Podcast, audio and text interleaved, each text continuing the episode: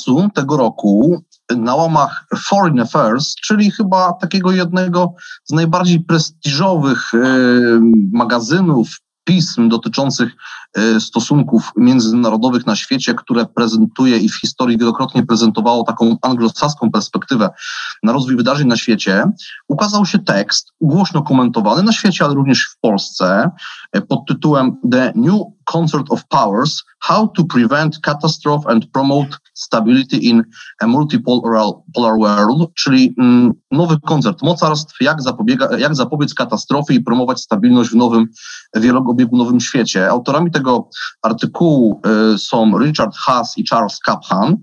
No i oni w tym tekście, główna teza tego tekstu jest taka, że trzeba na nowo uregulować kształt systemu międzynarodowego i w tym celu oni nawiązali do znanej z historii koncepcji koncertu mocarstw, które miało miejsce w Europie w XIX wieku. Wtedy y, w tym koncercie no, występowały takie podmioty jak Wielka Brytania, Rosja, Austria, Prusy, e, Francja i Włochy. Dziś w tą rolę miałyby się wcielić Chiny, Stany Zjednoczone, Unia Europejska rozumiana jako jeden podmiot, Rosja, Indie i Japonia, czyli taka szóstka, co miałoby pozwolić na utrzymanie, zdaniem autorów, stabilności we współczesnym systemie międzynarodowym i uchronić, co najważniejsze, świat przed y, militarną konfrontacją Stanów Zjednoczonych i Chin. No i tutaj jest y, szereg kwestii się pojawia, znaczy, mm, na które chcielibyśmy Ciebie, Tomku, poprosić o odpowiedź albo o próbę odpowiedzi. No to znaczy, jak oceniasz tą koncepcję? Y, jak, czy się z nią zgadzasz? Czy Twoim zdaniem no, nadejście tego świata policentrycznego, wieloideowego, wielobiegunowego, który ciągle szuka równowagi sił, no, jest nie, nieuchronne, czy, czy jednak to jeszcze jest, to jeszcze nie jest przesądzone? No i jak, jak widzisz w ogóle te kwestie? To są, to są, Pawle, to są świetne, e, świetne, świetne pytania i pewnie z uwagi na takie moje inklinacje do historii stosunków międzynarodowych, zanim odpowiem o, o, o współczesności, chciałbym wy, wy, wycisnąć istotę tej koncepcji koncertu e, mocarstw, jaką, jaką dostarcza nam perspektywa historyczna, a także chwilę powiedzieć o tym, w jakim kontekście pojawił się ten e, artykuł, bo on jest troszeczkę szerszy niż tylko samo e, wspomniane, wspomniane mm, nowojorskie, nowojorskie czasopismo. Sama koncepcja, tak jak mówisz, pochodzi, pochodzi z XIX wieku. Dla niektórych z nas może wydawać się, że jest to koncepcja nieprzystająca do współczesnego świata, prawda? Żyjemy żyjemy, żyjemy pod koniec e, e, pierwszej ćwiartki XXI wieku i możemy traktować nieco abstrakcyjnie takie dywagacje odnoszące się do narzędzi, które powstały w XIX wieku. Jednak z perspektywy historii stosunków międzynarodowych, to właśnie na przełomie XVII, XVIII i XIX wieku e, rodzi się nowożytny system międzynarodowy i to jest epoka, w której żyjemy. Oczywiście trwają dyskusje, czy on jeszcze funkcjonuje, prawda, ale nawet ci, którzy twierdzą, że ulega pewnej zmianie, mówią, że wciąż e, jego zasady pozostają, pozostają fundamentalne. I w tym kontekście taki termin jak koncert mocarstw mm, jest jednym z wielu, które albo powstały, albo zostały wypromowane w XIX wieku obok, takich te, terminów jak realpolitik, czyli skupienie się tylko na materialnych aspektach, jak machtpolitik, czyli kwestia dotycząca stosowania mm, e, narzędzi przymusu w stosunkach między, międzynarodowych, czy wreszcie E, równowaga sił, czy równowaga potęg jako narzędzie zapewniające, narzędzie zapewniające e, stabilizacji. I w tym kontekście historycznym chciałbym zwrócić uwagę na dwie rzeczy. To znaczy, pierwszą, co właściwie oznacza ten, e, oznacza ten termin. Jego istota sprowadza się do nawiązania do, do orkiestry, która harmonijnie, harmonijnie wydaje dźwięki w ten sposób odgrywa pewne, pewne utwory. Pewnie twórcy tej koncepcji nie wiedzieli, że z czasem przyjdzie awangardowa muzyka, gdzie ta brak harmonii będzie, będzie istotny.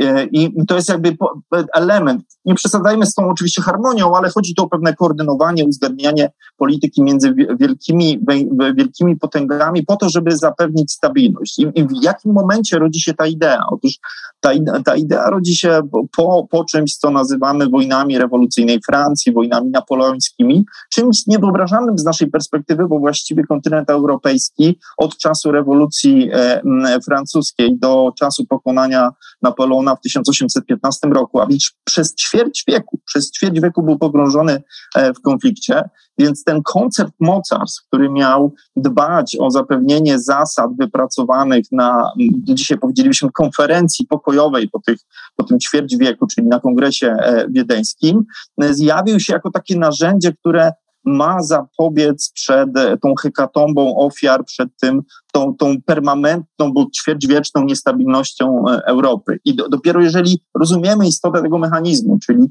mechanizmu, który ma ratować świat przed pewną katastrofą i w oparciu o współpracę, o koordynację mocarstw, wtedy rozumiemy, dlaczego ta wizja może dla niektórych wydawać się taka taka atrakcyjna. Element organizacyjny, na który chciałbym zwrócić uwagę, to to, że ten artykuł nie jest tylko mm, emanacją idei dwóch e, amerykańskich analityków, ale też takich osób doświadczonych, związanych z kilkoma administracjami prezydenckimi Stanów Zjednoczonych. Jest to element czegoś, co się nazywa George Lloyd Study Group on World Order, Przedsięwzięcia, e, które w skrócie mogliśmy przetłumaczyć takiej grupy badawczej imienia e, premiera Lloyda George'a, grupy badawczej zajmujących się przyszłym porządkiem międzynarodowym. Jest to projekt realizowany przez trzy instytucje. To znaczy, pierwszą tą instytucją jest e, Szkoła Służby Zagranicznej jezuickiego Georgetown w Waszyngtonie, czyli taki kuźni kadr służby zagranicznej Stanów Zjednoczonych, ale też do, do pewnego aspektu służb czy, czy sił zbrojnych, czy, czy, czy, czy polityków. Instytucji powstałej w 1919 roku w kontekście tego, że Stany Zjednoczone były wschodzącym mocarstwem i potrzebowały profesjonalnych profesjonalnych dyplomatów do radzenia sobie z narastającym kontaktem ze światem. Dwie pozostałe instytucje mają wspólne korzenie. Dwie pozostałe instytucje mają wspólne korzenie, dlatego że ich projekt e, e, powstał w 1919 roku, czyli po, po drugim takim ważnym konflikcie po, po tych wojnach napoleońskich, czyli po I wojnie światowej w Paryżu w trakcie konferencji pokojowej eksperci brytyjscy, amerykańscy chcieli powołać instytucję, która będzie informować e, ludzi eksper- i, i decydentów o tym, jak zapewnić pokój na świecie. I miał powstać Anglo-Amerykański Instytut Spraw Międzynarodowych. To przedsięwzięcie nie udało się, powstały dwie oddzielne instytucje. W 1920 roku powstaje Królewski Instytut Spraw Między, Międzynarodowych, który dzisiaj rzadko jest, jest tak nazywany, dlatego że częściej odnosi się do budynku przekazanego przez hrabię e, e, e, Chathama i częściej mówimy po prostu o Chatham House. I wreszcie trzecia instytucja powstała w 1921 roku, czyli e, e, Council on, on Foreign Relations, Rada Spraw, Spraw Zagranicznych, będąca tą amerykańską odnogą tych, tych, tych ekspertów. I tutaj pojawia się przy tej okazji dosyć zabawny Mm, zabawny paradoks. Otóż te wszystkie trzy instytucje w momencie, w którym powstawały, powstawały w świecie, w którym powszechnym było twierdzenie, że równowaga sił, że koncept mocarstw nie są skutecznym narzędziem zapewniania pokoju, bo powstały po I wojnie światowej, którą jakby obarczano za jej wybuch mechanizm właśnie konceptu mocarstw, dysfunkcji wynikającej z e, prób zapewniania równowagi sił. Dzisiaj, kiedy te, jako emanacja działalności tych trzech instytucji, Pawle, mówisz o artykule, który nawołuje do konceptu mocarstw, rodzi się nam tu jakiś, jakiś, jakiś, jakiś paradoks. Natomiast e, to, na co chciałbym zwrócić uwagę, że ten tekst jest szerszą, jest częścią szerszego procesu, który obserwuję wśród amerykańskich elit, znaczy procesu, w którym te elity coraz wyraźniej przyglądają się temu, czy przypadkiem idee realizmu, w tym takie idee jak koncept mocarstw, jak równowaga sił, nie są tymi, które powinny wdrażać w swojej polityce, polityce zagranicznej. Bo chociażby wspomniana Rada Spraw Zagranicznych, która na przestrzeni dziejów reprezentowała różne poglądy, bo w tym samym czasopiśmie, o którym wspomniałeś, e, e, swój artykuł opublikował twórca strategii powstrzymywania e, Związku, Związku Sowieckiego George George F. Kennan. E, natomiast po zimnej wojnie ta instytucja była w najlepszym wypadku kojarzona z takim podejściem centrowo-liberalnym, a w najgorszym z liberalnym. I kiedy ta dzisiaj instytucja mówi o tym, że trzeba Mm, pomyśleć o tym, czy realistyczne narzędzia e, nie są przypadkiem tymi, które trzeba wykorzystywać w polityce zagranicznej, to ja mówię, widzimy tutaj narastającą otwartość amerykańskich elit na poglądy realistyczne. Czy to oznacza, że one już myślą realistycznie? Nie wydaje mi się jeszcze, ale ten wyłom w ich koncentracji na, na promocji liberalnego porządku międzynarodowego narasta. Natomiast chciałbym też powiedzieć, że nie wiemy dokładnie o, o, o pracach tej instytucji. To znaczy, ona miała dwa spotkania zamknięte, jedno w Wielkiej Brytanii, jedno w Stanach Zjednoczonych. Dwa, dwie, dwa razy omawiano publicznie jej, jej, jej, jej pomysły i były tam różne pomysły, nie tylko, ta równowa- nie tylko ten koncept mocarstw na konferencji Północnoamerykańskiego Stowarzyszenia Studiów, Amery- Studiów Międzynarodowych i Brytyjskiego Stowarzyszenia Studiów Międzynarodowych. Miałem przyjemność uczestniczenia w obu panelach, więc mogę spokojnie powiedzieć, że, że idea koncertu mocarstw spotkała się z ogromnym atakiem, twierdzeniem, że jest to przestarzałe narzędzie, które mm, będzie oznaczać abdykację Stanów Zjednoczonych z pewnych, z pewnych e, pomysłów. Emanacją materialną tej grupy badawczej jest, e, jest zbiór artykułów, który można znaleźć na stronie właśnie Foreign Affairs pod tytułem e, Unshoring the World, czyli jakby zakotwiczając świat w nowym porządku w XXI wieku. I e, taką konkluzję, którą mam, to, to, to bym wskazał, że warto zastanawiać się, jakie, jaka, jakie konsekwencje niosłoby wdrożenie tej idei w polityce zagranicznej Stanów Zjednoczonych, w szczególności oczywiście dla państwa polskiego, bo, bo pracując na uczelniach finansowanych z budżetu państwa polskiego, to jest podstawowa rzecz i obowiązek, o którym powinniśmy gdzieś tam sobie, e, o którym zawsze pamiętać, ale też powinniśmy przygotować się na taką, na taką ewentualność, że to jest tylko jedna z emanacji trwającej w Stanach Zjednoczonych, największej od lat 30. XX wieku debaty o tym, w jaką stronę ma pójść polityka zagraniczna Stanów Zjednoczonych i nie wiemy, czy właśnie pójdzie w tym e, kierunku. E, mam nadzieję, że mi wybaczycie tej, ten przedługi e, wstęp. Znaczy, powiem tak, y, bardzo chętnie wybaczymy jeszcze kilka takich przedługich wypowiedzi, bo wydają się one bardzo interesujące. Myślę, że niesamowicie ciekawe jest to, na co zwróciłeś uwagę, czyli pokazanie, że nawet środowiska te, które no, prezentowały bardziej liberalne czy neoliberalne podejście do amerykańskiej polityki zagranicznej, zaczynają jakby iść trochę w taką stronę, nie wiem, czy realizmu neoklasycznego, jakby doszukiwać się tego, że oczywiście ten świat współzależności, oddziaływania gospodarczego, ideowego, no ale jednak te, nazwijmy to twarde elementy polityki e, realnej, no bardziej pasują nam do opisywania rzeczywistości międzynarodowej. E, zasygnalizowałeś też ciekawy wątek, to znaczy w jaki sposób Polska się powinna do tego ustawić. Myślę, że znajdziemy jeszcze przestrzeń na rozmowę o tym, ale teraz, jak pozwolisz, chciałbym się jeszcze skupić na E, no, samym pomyśle autorów. No, oni wskazują tam jakby tych sześciu potencjalnych graczy. Paweł już zasygnalizował we wstępie, że Unia Europejska jest tutaj rozumiana jako jeden e, podmiot. No, chyba wszystkim z nas wydaje się, że tutaj miejsce Stanów Zjednoczonych czy Chin jest o tyle oczywiste, że no jakby te, te podmioty państwa rozpatrywane są nawet w tym układzie bilateralnym jako te podmioty, które na, narzucają pewien kierunek rywalizacji.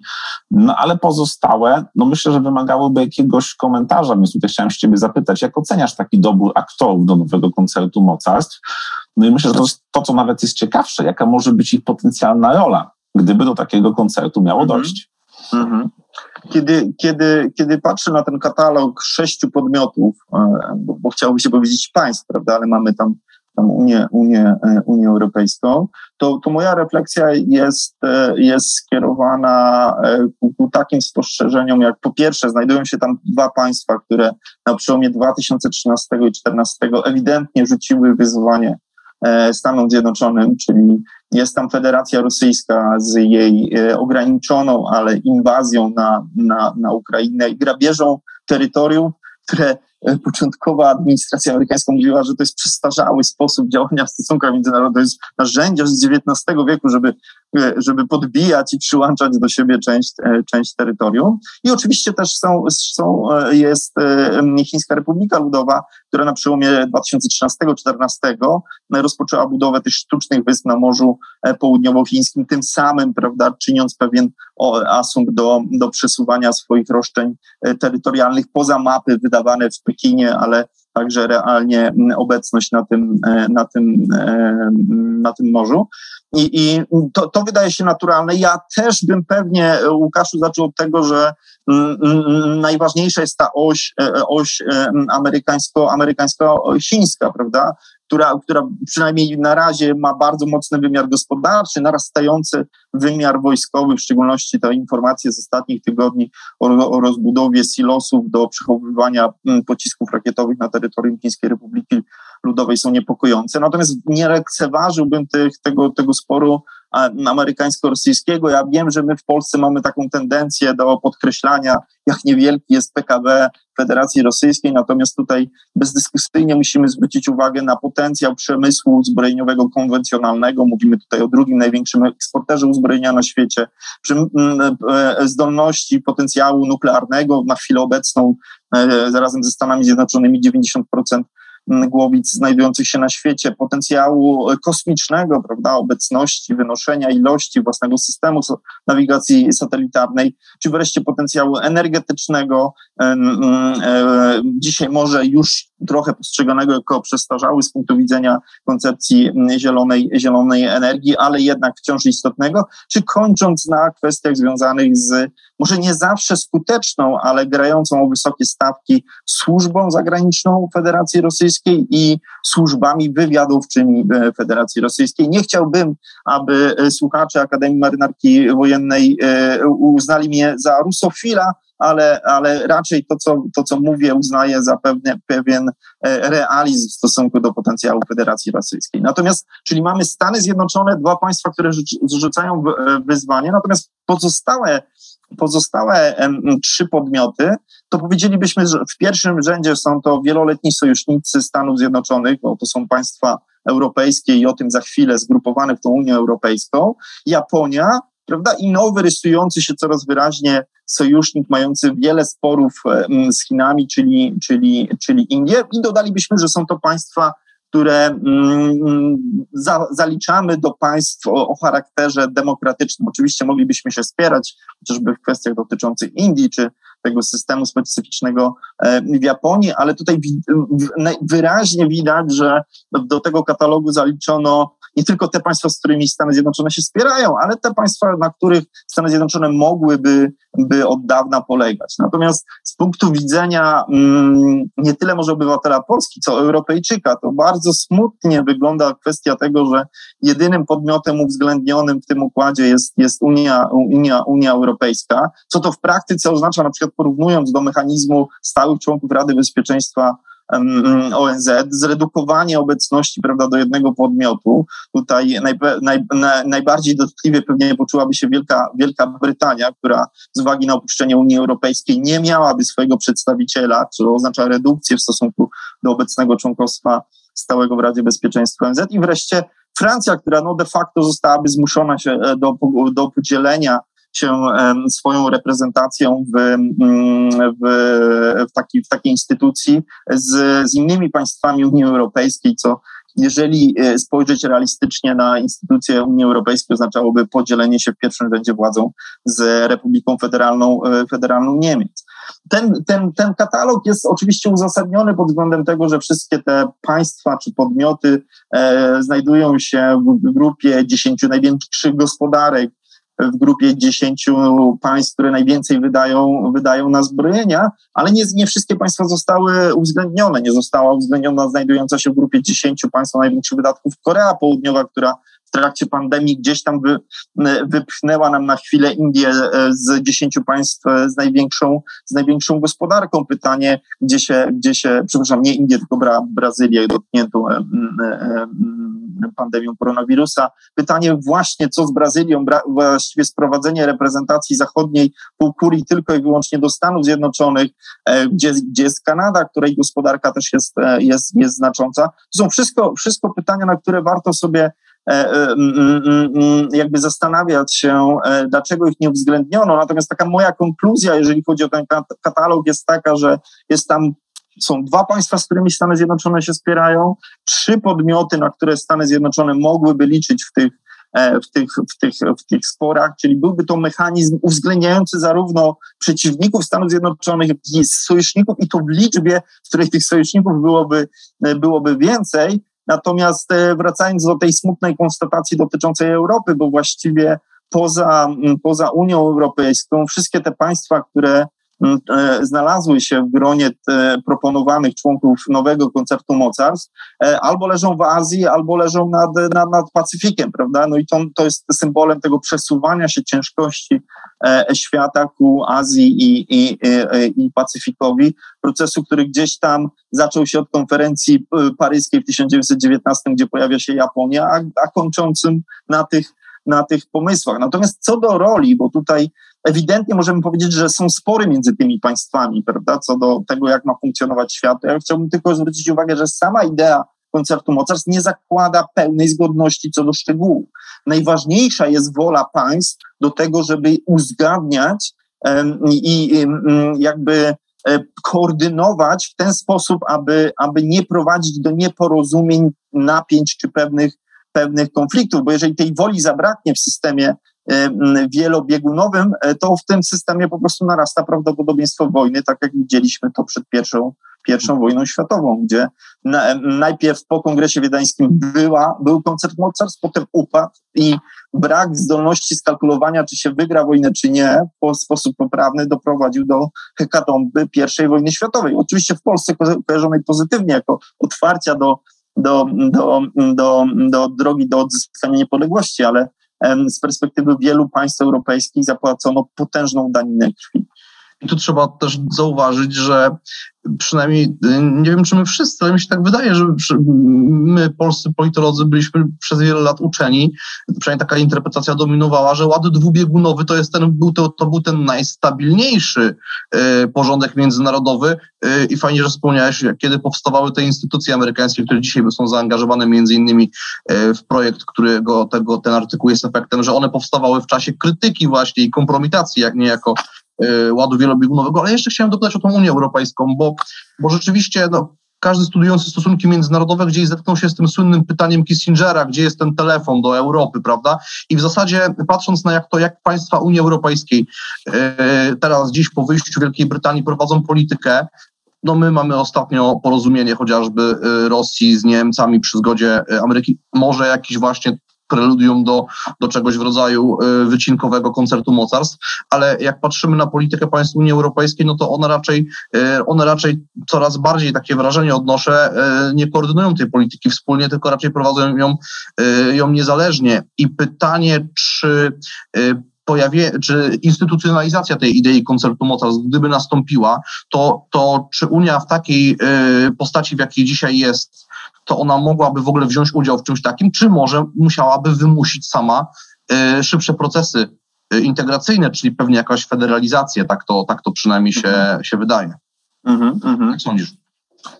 Jeżeli myślę o Unii Europejskiej jako podmiocie e, stosunków międzynarodowych działającym na arenie międzynarodowej, to wciąż widzę więcej aspiracji niż realnych zdolności do realizowania tychże, tychże aspiracji. Oczywiście ważna była prezydentura Donalda Trumpa, który tak jak poprzednicy oczekiwał, że Europejczycy wezmą większą odpowiedzialność za zapewnianie bezpieczeństwa na kontynencie europejskim, w szczególności tutaj w kontekście presji ze strony Federacji Rosyjskiej, czynił to jednak w zupełnie inny sposób, prawda? Taki może, który nam się kojarzy z filmów z lat 90.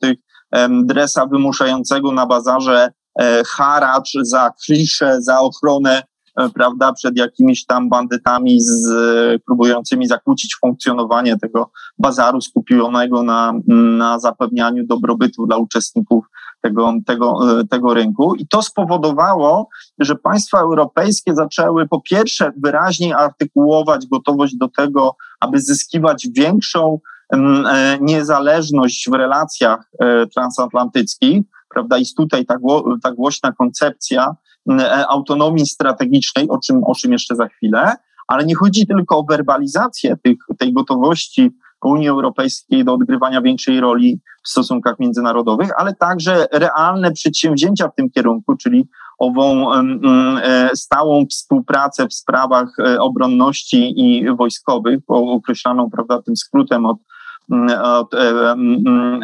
permanent Structure, e, Structured mm, Cooperation, czyli w skrócie PESCO.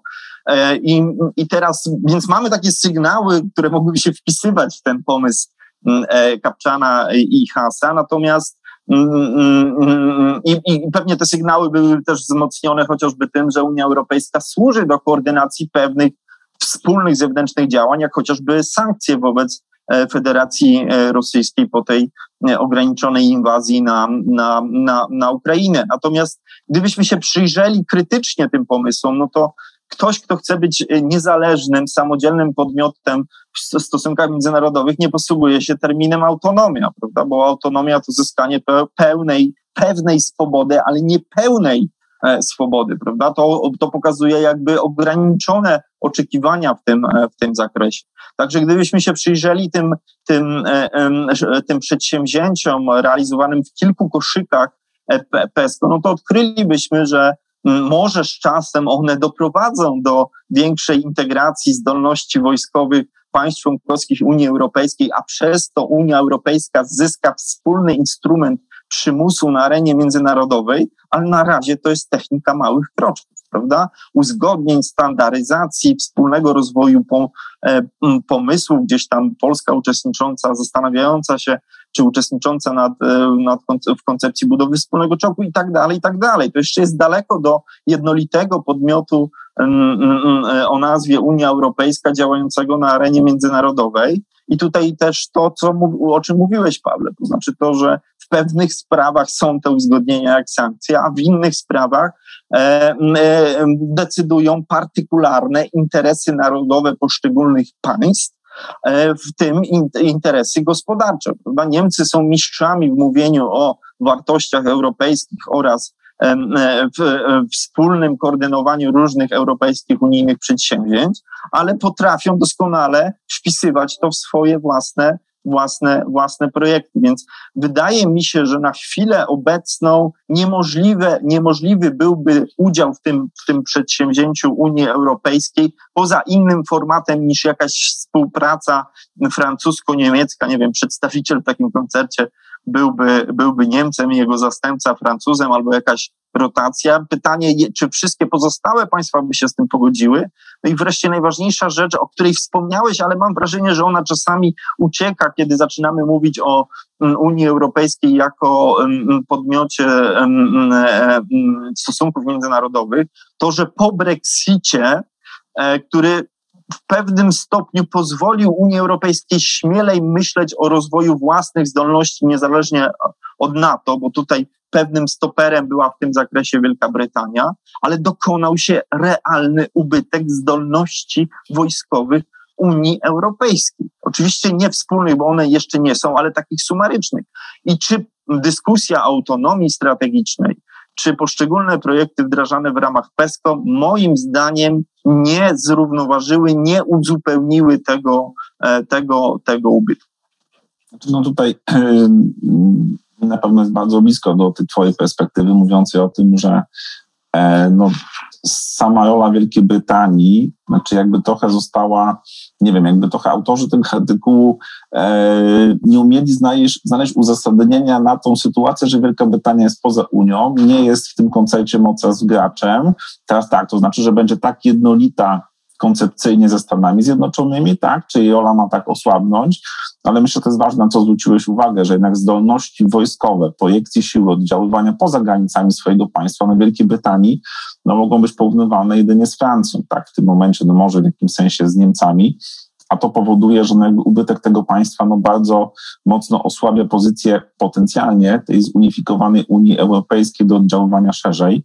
No, ewidentnie jakby idziemy w kierunku coraz węższym, więc chyba teraz trzeba byłoby się skupić też na perspektywie polskiej.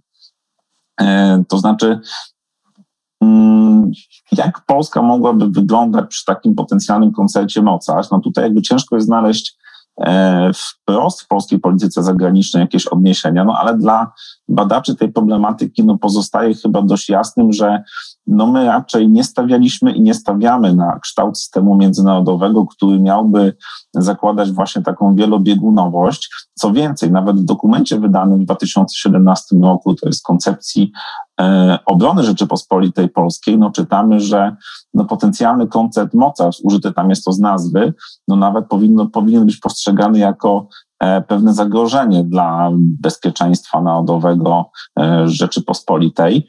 No ale tutaj jakby pytanie do ciebie, no, jeżeli ta Mhm. idea nowego koncertu mocarstw zostałaby w jakimś sensie zrealizowana, co by to potencjalnie oznaczało dla Polski? No tutaj oczywiście w takich dwóch scenariuszach, czy byłoby to bardziej dla nas szansą, czy jednak tak jak y, określa to przywołany dokument zagrożeniem. Mhm. Zanim, zanim odniosę się do współczesnej sytuacji, dwa, dwa komentarze. Jeden dotyczący natury ogólnej mechanizmu koncertu mocarstw i polskich doświadczeń z koncertem mocarstw, bo bo, y, niestety historia jest bogata w tym, w tym zakresie przykłady tego typu sytuacji. Więc jeżeli chodzi o sam mechanizm koncertu mocarstw, czyli jedną z idei realizmu, y, realizmu, który dzieli państwa na świecie tylko na dwa typy, na, na, na, na te wielkie potęgi, czyli mocarstwa oraz dzieli na małe potęgi. W realizmie nie ma, nie ma tego, do czego my często aspirujemy, czyli średnich, średnich potęg. To jest zupełnie inne myślenie, czym są średnie potęgi. One są spoza, spoza myślenia realistycznego. E, I w mm, mechanizmie koncertu mocarstw te państwa, które uczestniczą jako podmioty w tym koncercie, czyli decydują, uzgadniają, ko- koordynują, poszukują tej harmonii dźwięków, e, to one są beneficjentami, prawda? Bo coś tam zyskują i jeszcze do tego nie powoduje to mm, e, mm, konfliktów, które muszą płacić dużą cenę w swoich ob- obywatelach i, i, i, i zasobach. Zupełnie inna jest perspektywa owych małych e, potęg, które nie są mm, mm, uczestnikami, nie są przy stole mm, decyzji podejmowanych w ramach koncertu mocarstw, tylko są przedmiotem tych decyzji, prawda? I tutaj e, e, nie ma co się oszukiwać, że państwa te pozbawione głosu są skazane na decyzje, które jeżeli są neutralne, to to są dobre decyzje. One są najczęściej niekorzystne dla tych, dla tych małych potęg. I, I to tylko mm, jakby odnosząc tak na szybko, bo to jeszcze nie jest clue, clue mojego, mojego, mojego tutaj, moich obaw, to tak na szybko odnosząc, Polska no, najbliżej tego statusu wielkiej potęgi była, e, była w XVI-XVII wieku. Tamtego czasu albo państwa polskiego nie było, albo nie możemy go zaliczyć do tych e, wielkich, e, wielkich potęg, więc naturalne jest to, że z samego ogólnego tego mechanizmu jest to mechanizm dla nas dla nas e, e, niekorzystne. Oczywiście moglibyśmy się zastanowić, czy gdyby kiedyś Polska została wielką potęgą, to czy byśmy nie zmienili zdania na temat tego, e, co to jest koncert e, mocarstw i czy może nie zaczęlibyśmy opowiadać, że jest to dobre narzędzie stabilizacji stosunków międzynarodowych. Życząc e, sobie i, i, i, i wszystkim e, osobom związanych z Akademią Marynarką, Marynarki Wojennej, żeby e, tak się stało, żebyśmy byli potęgą, to na razie na razie ta perspektywa jest, jest daleka. Natomiast próbując dojść do, do wniosków, jakie to konsekwencje będzie niosło dla Polski współcześnie na bazie doświadczeń historycznych, to te doświadczenia są nieco zróżnicowane, ale najczęściej niekorzystne. Weźmy chociażby wspomnianą wielką, wspomnianą wielką konferencję po tym e, ćwierćwiecznej wojnie, e, czyli Kongres Wiedeński z 1815 roku, gdzie widzimy ten premechanizm uzgodnień wiel- między wielkimi potęgami, które właściwie zadbały o równowagę sił między sobą, dzieląc terytorium, terytorium, terytorium e, e, Polski. Pewnie drugie takie traumatyczne doświadczenie to są spotkania Wielkiej, Wielkiej Trójki, prawda, które zaowocowały co prawda formalnym powstaniem państwa polskiego, ale co do jego rzeczywistej niezależności na arenie międzynarodowej, nie wspominając o realizacji zapisów dotyczących wolnych wyborów stalinowskiej, stalinowskiej Polskie, to, Polsce, to pozostawia nam to dużo do życzenia. Ale ten taki mm, koncept mocarstw też moglibyśmy się doszukiwać tego na, mm, mm, na innym wydarzeniu po traumatycznym doświadczeniu Europy, czyli na owej konferencji paryskiej z 1919 roku, gdzie co prawda uczestniczyło kilkadziesiąt podmiotów, ale de facto de, de, decydowała ówczesna Wielka Trójka, czyli przedstawiciele Wielkiej Brytanii, Francji i Stanów Zjednoczonych, co zaowocowało powstaniem państwa polskiego, pe, pewnymi korzyściami, jeżeli chodzi mm, mm, o niektóre granice, nie, nieuwzględnieniem szeregu innych aspektów e, polskich oczekiwań, które na szczęście mogliśmy w dużym stopniu zmienić sami dzięki potencjałowi, e, potencjałowi wojskowemu. I może zapamiętajmy tą lekcję, bo ona też będzie ważna dla, dla, dla tego wniosku ostatecznego co do współczesności. Więc podsumowując doświadczenia historyczne, należy wskazać, że w sytuacji, w której w koncercie mocarstw uczestniczą sąsiedzi polscy mający jakieś roszczenia wobec Polski, czyli tak jak było na kongresie wiedeńskim w przypadku Prus, e, Austrii i Rosji, czy tak jak było w trakcie wielkiej posiedzeń Wielkiej Trójki z udziałem Związku Sowieckiego, no te decyzje są, są niekorzystne. Trochę lepiej wygląda sytuacja, jeżeli ten koncert mocarstw uwzględnia państwa, które które e, nie graniczą z Polską, nie mają roszczeń. Tak było w trakcie konferencji paryskiej, gdzie przez pewien czas z tego mechanizmu była, były wykluczone pokonane Niemcy i mm, trawiona wojną domową z bolszewikami e, e, Rosji. Natomiast to, na co bym zwrócił uwagę, to jest kwestia tego, że mm, nawet małe potęgi, które strukturalnie powinny obawiać się tego koncertu mocarstw, nigdy nie powinny rezygnować z próby forsowania swoich własnych interesów. E, I tutaj to zarówno dotyczy profesjonalnej służby zagranicznej e, i, i mm, zdolności do lobowania u wielkich mocarstw na rzecz własnych interesów. Tutaj mm, takim zapomnianym i nad czym, nad czym strasznie ubolewam, wiel, najlepszym polskim, czy lobbystą sprawy polskiej e, w wielkim mocarstwie był Ignacy, Ignacy Paderewski, który nawet bez istnienia państwa polskiego, dzięki temu, że był celebrytą, miał dostęp do elit władzy Stanów Zjednoczonych, był najlepiej zarabiającym artystą Stanów Zjednoczonych, więc miał dostęp nie tylko do kontaktów, ale też um, um, środków um, ułatwiających owe, owe, owe kontakty, był w stanie skierować uwagę wielkiego mocarstwa decydującego o porządku powojennym w Europie w stronę korzystną dla państwa, państwa polskiego. No i drugi element to, jest, to jest, są zdolności z zakresu mm, potęgi wojskowej, prawda? To, że Polska mimo nie, nie w pełni e, spełniających oczekiwania Polski decyzji na konferencji paryskiej, dysponując potencjałem wojskowym, mogła ułożyć tą granicę na wschodzie, chociaż w części tak, jak oczekiwała, ale wbrew temu, co chcieliby ci decydenci z konferencji konferencji paryskiej. Więc gdybym miał odpowiedzieć na pytanie, mm, e, e, jak będzie wyglądać pozycja Polski w przyszłym koncercie mocarstw, to jeżeli w tym koncercie mocarstw będzie Federacja, Federacja Rosyjska, to niestety nie jest to pozytywna wizja, e, wizja stosunków, stosunków międzynarodowych.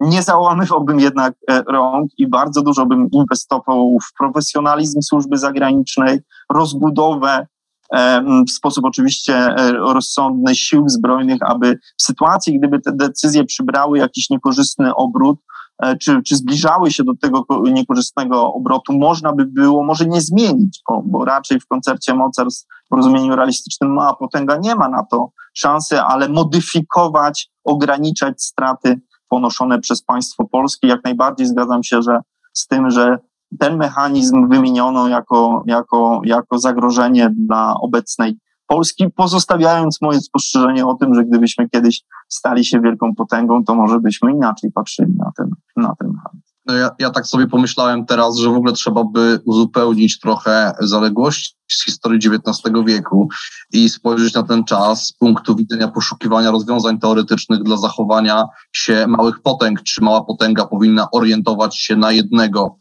sponsora w stosunkach międzynarodowych na jedno mocarstwo, czy e, próbować budować relacje z wieloma mocarstwami. Zresztą we współczesnej debacie w Polsce nawet już się pojawiają, mam wrażenie, takie, takie powoli e, dyskusje, czy, czy, czy sojusz strategiczny z jednym supermocarstwem, czyli Stanami Zjednoczonymi, czy, czy próbować coś, coś innego, tylko na, ile to jest, tylko na ile to jest możliwe, to zależy od narzędzi, które się posiada, o których tutaj powiedziałeś. A, a ym, pytanie takie na koniec, no bo ta wizja sygnowana nazwiskiem Hasa i e, Kaphana, no to nie jest, jest przecież e, jedyna propozycja przyszłości e, ładu międzynarodowego. Sam na początku mówiłeś, Tomku, że to jest jakby pewien znak, że realizm wraca w myśleniu amerykańskich elit, ale przecież nie znaczy, że on zwycięży w tym, w tym myśleniu, no bo przecież mogą się pojawiać również takie propozycje nowego porządku, ale nawiązujące do neoliberalizmu instytucjonalnego, a co za tym idzie do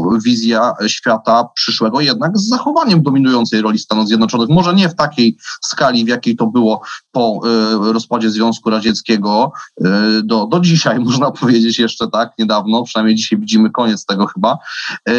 Czy, no i, no i jak, jak twoim zdaniem, wiem, że prognozy to zawsze człowiek jest ostrożny, no bo to ktoś może potem przypominać, ale jeżeli dasz się sprowokować albo bo, bo, bo skusić no, na zarysowanie jakiejś wizji tego, jak może ewoluować e, dekomponujący się na naszych oczach e, system międzynarodowy.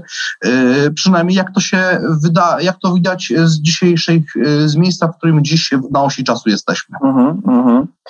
Zanim powiem o czymś, co, co, co kojarzy się wielu osobom, które prognozują ze stwierdzeniem, że internet, a w szczególności YouTube nie, nie zapomina, Mm, to tylko jedna, jedna uwaga do, do, do, do, do tego, jak, jak, jak, y, tego, co bardzo celnie zauważyłeś, Pawle, do tych tego, że, że Polska musi sobie gdzieś te realistyczne koncepcje powstałe w XIX wieku przyglądać, oglądać je. Oczywiście musi robić to mądrze, bo nie chodzi o poszukiwanie, tak jakby niektórzy chcieli, żelaznych praw stosunków międzynarodowych, które bardzo łatwo można przekładać na, na, na, na współczesność, bo mimo tego, że gdzieś tam wciąż ta epoka nowożytna jest, to też mamy dużo różnych ciekawych procesów modyfikujących to, co widzieliśmy wcześniej. Warto to robić, bo to jest jedna z rzeczy, na której mm, mm, e, na którą karierę zrobił e, Henry, czy może poprawnie Heinz Kissinger, który, który przyglądał się, jak w XIX wieku mocarstwa zarządzały relacjami z takim państwem jak rewolucyjna Francja,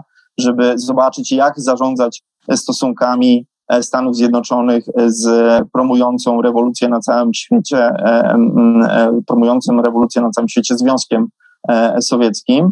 I, I tutaj drugie zastrzeżenie dotyczy tego, że bardzo często osoby, które odrzucają koncept mocarstw, poprawnie wskazując na zagrożenia płynące z tego mechanizmu dla Polski. Myślą, że to oznacza, że Polska bez koncertu mocarstw e, funkcjonuje mm, mm, bez oparcia mocarstwa. To znaczy, że jak nie ma koncertu, to mamy wielką swobodę działania. Otóż Hans Joachim Morgenthau, który e, uciekł z Niemiec w latach 30.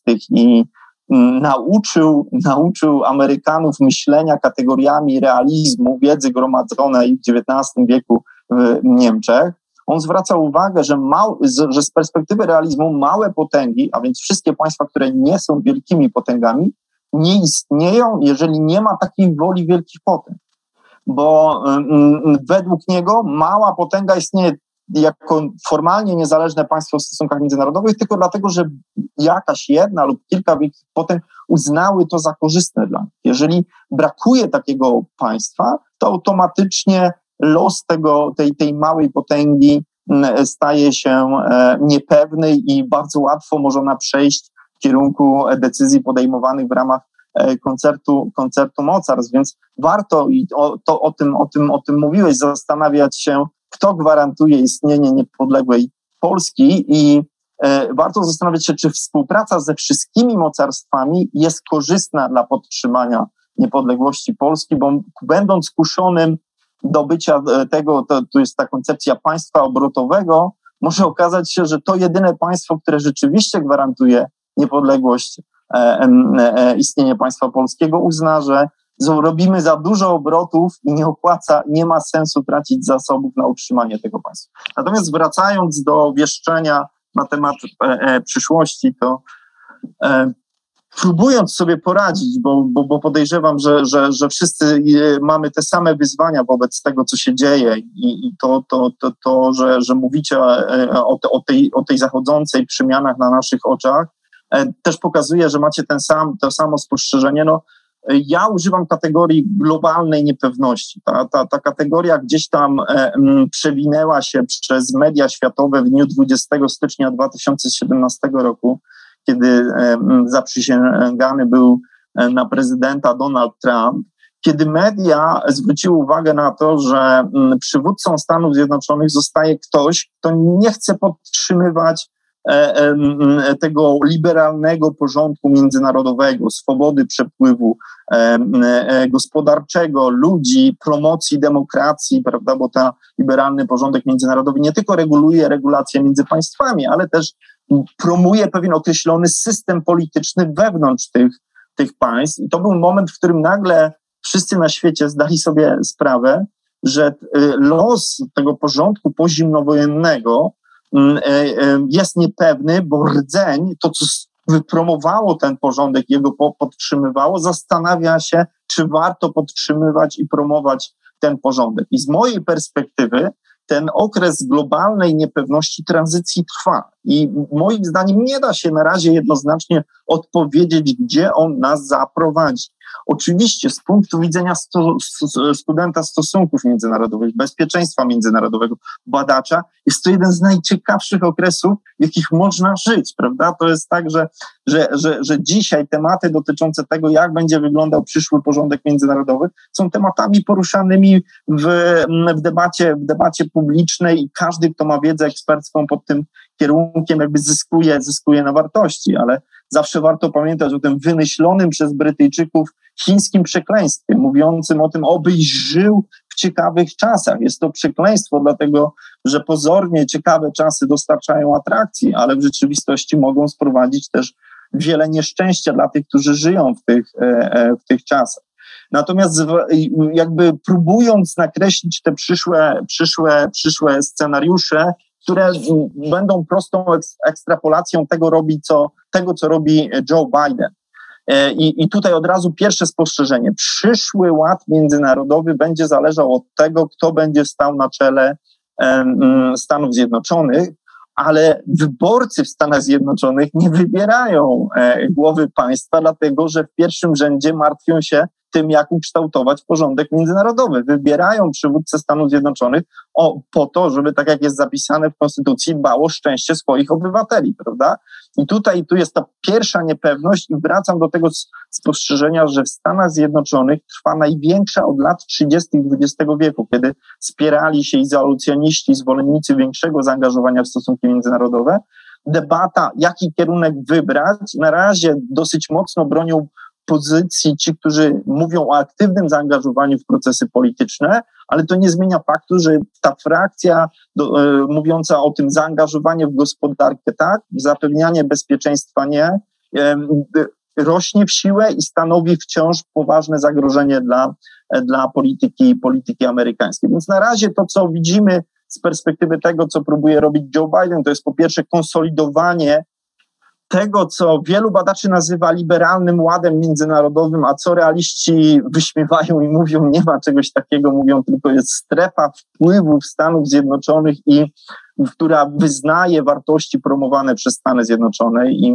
Joe Biden próbuje to konsolidować poprzez popieranie liberalnych przywódców, poprzez popieranie tych zasad liberalnej, liberalnej współpracy i konsolidowanie ich w stosunku do zagrożeń, jakie płyną ze strony państw autorytarnych, ale Joe Biden, może nie wdrażając tej nowej, nowego koncertu mocarstw, nieustannie powtarza, że potrzebne są mechanizmy współpracy, czy to z Federacją Rosyjską, czy z Chińską Republiką Ludową, które pozwolą koordynować pewne działania w obszarach, w których może pojawić się wspólne zagrożenie, jak chociażby zmiany klimatyczne, prawda, rzecz, która wciąż często w Polsce kojarzy się z jakimiś takimi ideami nie mającymi wpływu na, na, na, na, na, na układ sił międzynarodowych. Polecam obejrzeć ewakuację jednej z amerykańskich baz na terenie Stanów Zjednoczonych z powodu tego, że jest zalewana i w ostatniej chwili warte wiele milionów samoloty muszą w trybie awaryjnym startować.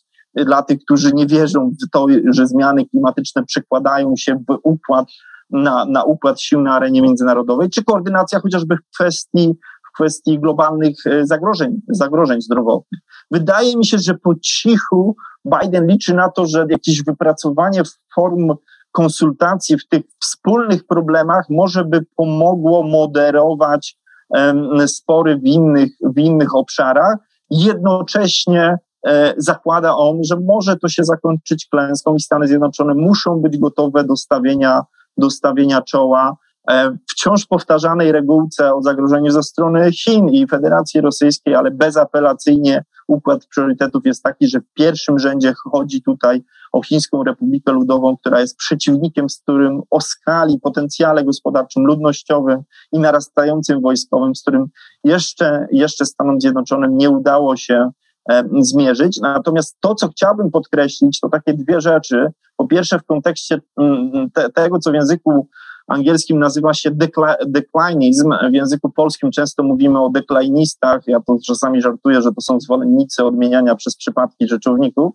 A, a co za, za moim przyjacielem, doktorem Mateuszem Filarem Szczepanikiem, nazywam schyłkizmem. To jest takie przekonanie o schyłku Stanów Zjednoczonych, ich upadku, ich roli w stosunkach międzynarodowych. Idei, która pojawia się od lat 50., od, od, od momentu wystrzelenia Sputnika w kosmos przez Związek Sowiecki, która pewnie kiedyś się spełni, ale przestrzegałbym przed takim łatwym prorokowaniem tego, że tutaj ta rola Stanów Zjednoczonych się kończy. I drugi element, musimy pamiętać, że potęga Stanów Zjednoczonych opiera się nie tylko na ich własnym potencjale, ale na tym, że zbudowali zarówno w formie formalnej jak NATO, ale także bilateralnej, e, jak to ma miejsce w Azji Południowo-Wschodniej, sieć sojuszy, które gwarantują im przewagę. Zastanawiając się nad tym, w którym kierunku pójdzie przyszły ład międzynarodowy po tej tymczasowym okresie przejściowym, który ja nazywam globalnym chaosie, z którego się wyłoni ten, ten przyszły ład. Pamiętajmy, że nie chodzi tylko o przyglądanie się o to, co mówią amerykańskie elity, co mówią chińskie elity, co mówią rosyjskie elity, ale ważne będzie też jakie decyzje podejmą mniejsze państwa, mniejsze potęgi, których te elementy składowe dają zdolność chociażby projekcji sił zbrojnych przez Stany Zjednoczone w różne części, części świata, bo to także będzie składnikiem przyszłości, której ja nie jestem w stanie, w stanie określić, bo w, w katalogu scenariuszy od tych, w których państwa dogadają się i ta rywalizacja będzie gospodarcza, intelektualna, technologiczna, kulturowa, sportowa, ale nie będzie wojskowej, Mam też scenariusz e, taki, w którym e, dojdzie do, do gorącego konfliktu i jedno z państw rzuci wyzwanie Stanom Zjednoczonym, a może w Stanach Zjednoczonych dojdzie przywódca, który uzna, że zamiast czekać na, na to, aż Stany Zjednoczone całkowicie utracą przewagi, warto wykorzystać e, jeszcze istniejącą przewagę do rozstrzygnięcia tego na korzyść Stanów, Stanów Zjednoczonych i, i to oznacza, że nadchodzą rzeczywiście ciekawe czasy, oby Polska potrafiła w tym, w tym niepewnym świecie sprawnie nawigować, e, tak aby może nie myśląc o wielkich zyskach, ale o tym, żeby chociażby ograniczyć skalę strat. Wydaje mi się, że przedmiot naszej dyskusji i Tomek, jakby twoje przemyślenia, którymi się z nami dzieliłeś, na pewno nie pozwalają mi skonkludować naszej rozmowy, więc może pozwolicie, że E, podzielę się z dwoma spostrzeżeniami na sam koniec. Znaczy, pierwsze jest takie, że mm, czy to będzie y, ład wielobiegunowy, czy tak naprawdę inny, który mamy opisany w tej chwili w teorii stosunków międzynarodowych, czy wygrają Chiny, Stany, czy to będzie powód do może jakiegoś zmodyfikowanego wymiaru systemu dwubiegunowego, może będziemy właśnie mieli tą, ten, tą sferę chaosu jeszcze bardziej rozszerzoną, będziemy poszukiwać zupełnie nowych rozwiązań, nie tylko politycznych, ale także społecznych no to powoduje, że tej rozmowy nie jesteśmy w stanie zamknąć. I tu na pewno też to, co obserwujemy chociażby w Afganistanie, jak wygląda w tej chwili amerykańska polityka. Zgadzam się z Tobą, że no, nie można uciekać w radykalizm ocen, tak, że jakby jest czyjś upadek albo, albo z drugiej strony czyjś genialny ruch, który ma tak naprawdę spowodować, że sytuacja w regionie się odwróci. Ale jakby tak, nie starając się odpowiedzieć na pytania, które postawiliśmy na początku, no to wyrażam tylko nadzieję, że da się zaprosić do co najmniej jeszcze jednej rozmowy, gdzie będziemy mogli e, podobną tematykę poruszyć. I to jest jakby e, ten pierwszy element, o którym chciałem powiedzieć. Drugi natomiast e, skupiony jest też wokół tego, co ty bardzo mocno podkreślałeś, to znaczy miejsca Polski w przyszłym nowym kształcie systemu międzynarodowego. I tutaj zgadzam się, że myślenie jednowymiarowe na przykład tylko o siłach zbrojnych, albo tylko jakości dyplomacji, albo tylko o naszym potencjale gospodarczym jest zbyt wąskie. Musimy myśleć wieloaspektowo, poruszyłeś kwestie klimatyczne, mamy przestrzeń informacyjną, kosmiczną, e, całą tą sferę społeczną, szerzej cywilizacyjną, więc powinniśmy myśleć o państwie polskim jako o podmiocie, który posiada pewien potencjał wieloaspektowy, który pozwoli nam się w tym systemie odnaleźć. No wiemy, że raczej nie będziemy szybko tą potęgą, która będzie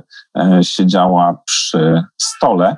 I tutaj wyrażam też to, co ty powiedziałeś, to znaczy, że ten temat ostatnio jest bardzo nośny. No i mam nadzieję, że e, w Polsce też coraz więcej osób zrozumie, że ta perspektywa stosunków międzynarodowych, rozumienia polityki międzynarodowej, bezpieczeństwa nie jest zarezerwowana tylko dla badaczy. Dobrze, żeby nasze elity, ale także wszystkie osoby, które projektują polskie działania technologiczne, gospodarcze, społeczne, kulturowe, również taką perspektywę, nawet w ramach swoich zainteresowań, chciały poszerzać.